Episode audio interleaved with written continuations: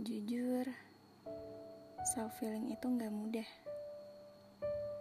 Gak semudah yang kalian ucapkan pastinya. Mungkin mood yang lagi kamu rasain saat ini lagi naik atau bahkan turun. Jadi ya kamu benar-benar ngerasain sakit, sesak, emosi, kecewa. Semuanya jadi satu dalam waktu yang bersamaan. Dan ada di satu waktu di mana kamu pengen hilang dulu sementara dari sosial media, ngehapus profil, bahkan sampai ngeblokir orang yang udah ngasih kamu luka. Gak apa-apa, karena menurutku semua orang punya cara self feelingnya masing-masing kan.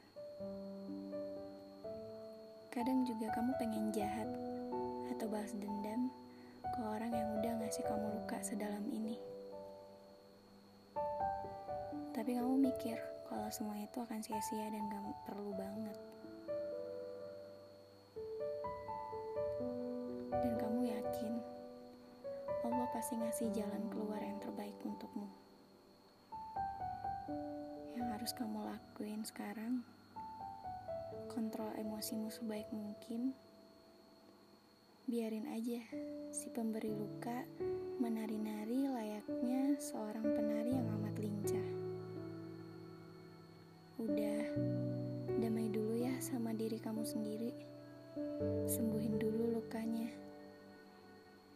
Jangan dendam sama orang yang udah ngasih kamu luka sedalam ini. Karena ya, itu sama saja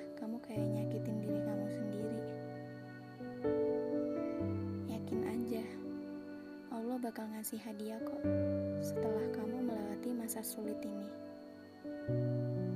Karena kamu adalah penyembuh terbaik untuk dirimu sendiri. Jadi, jangan lupa baik sama diri sendiri ya.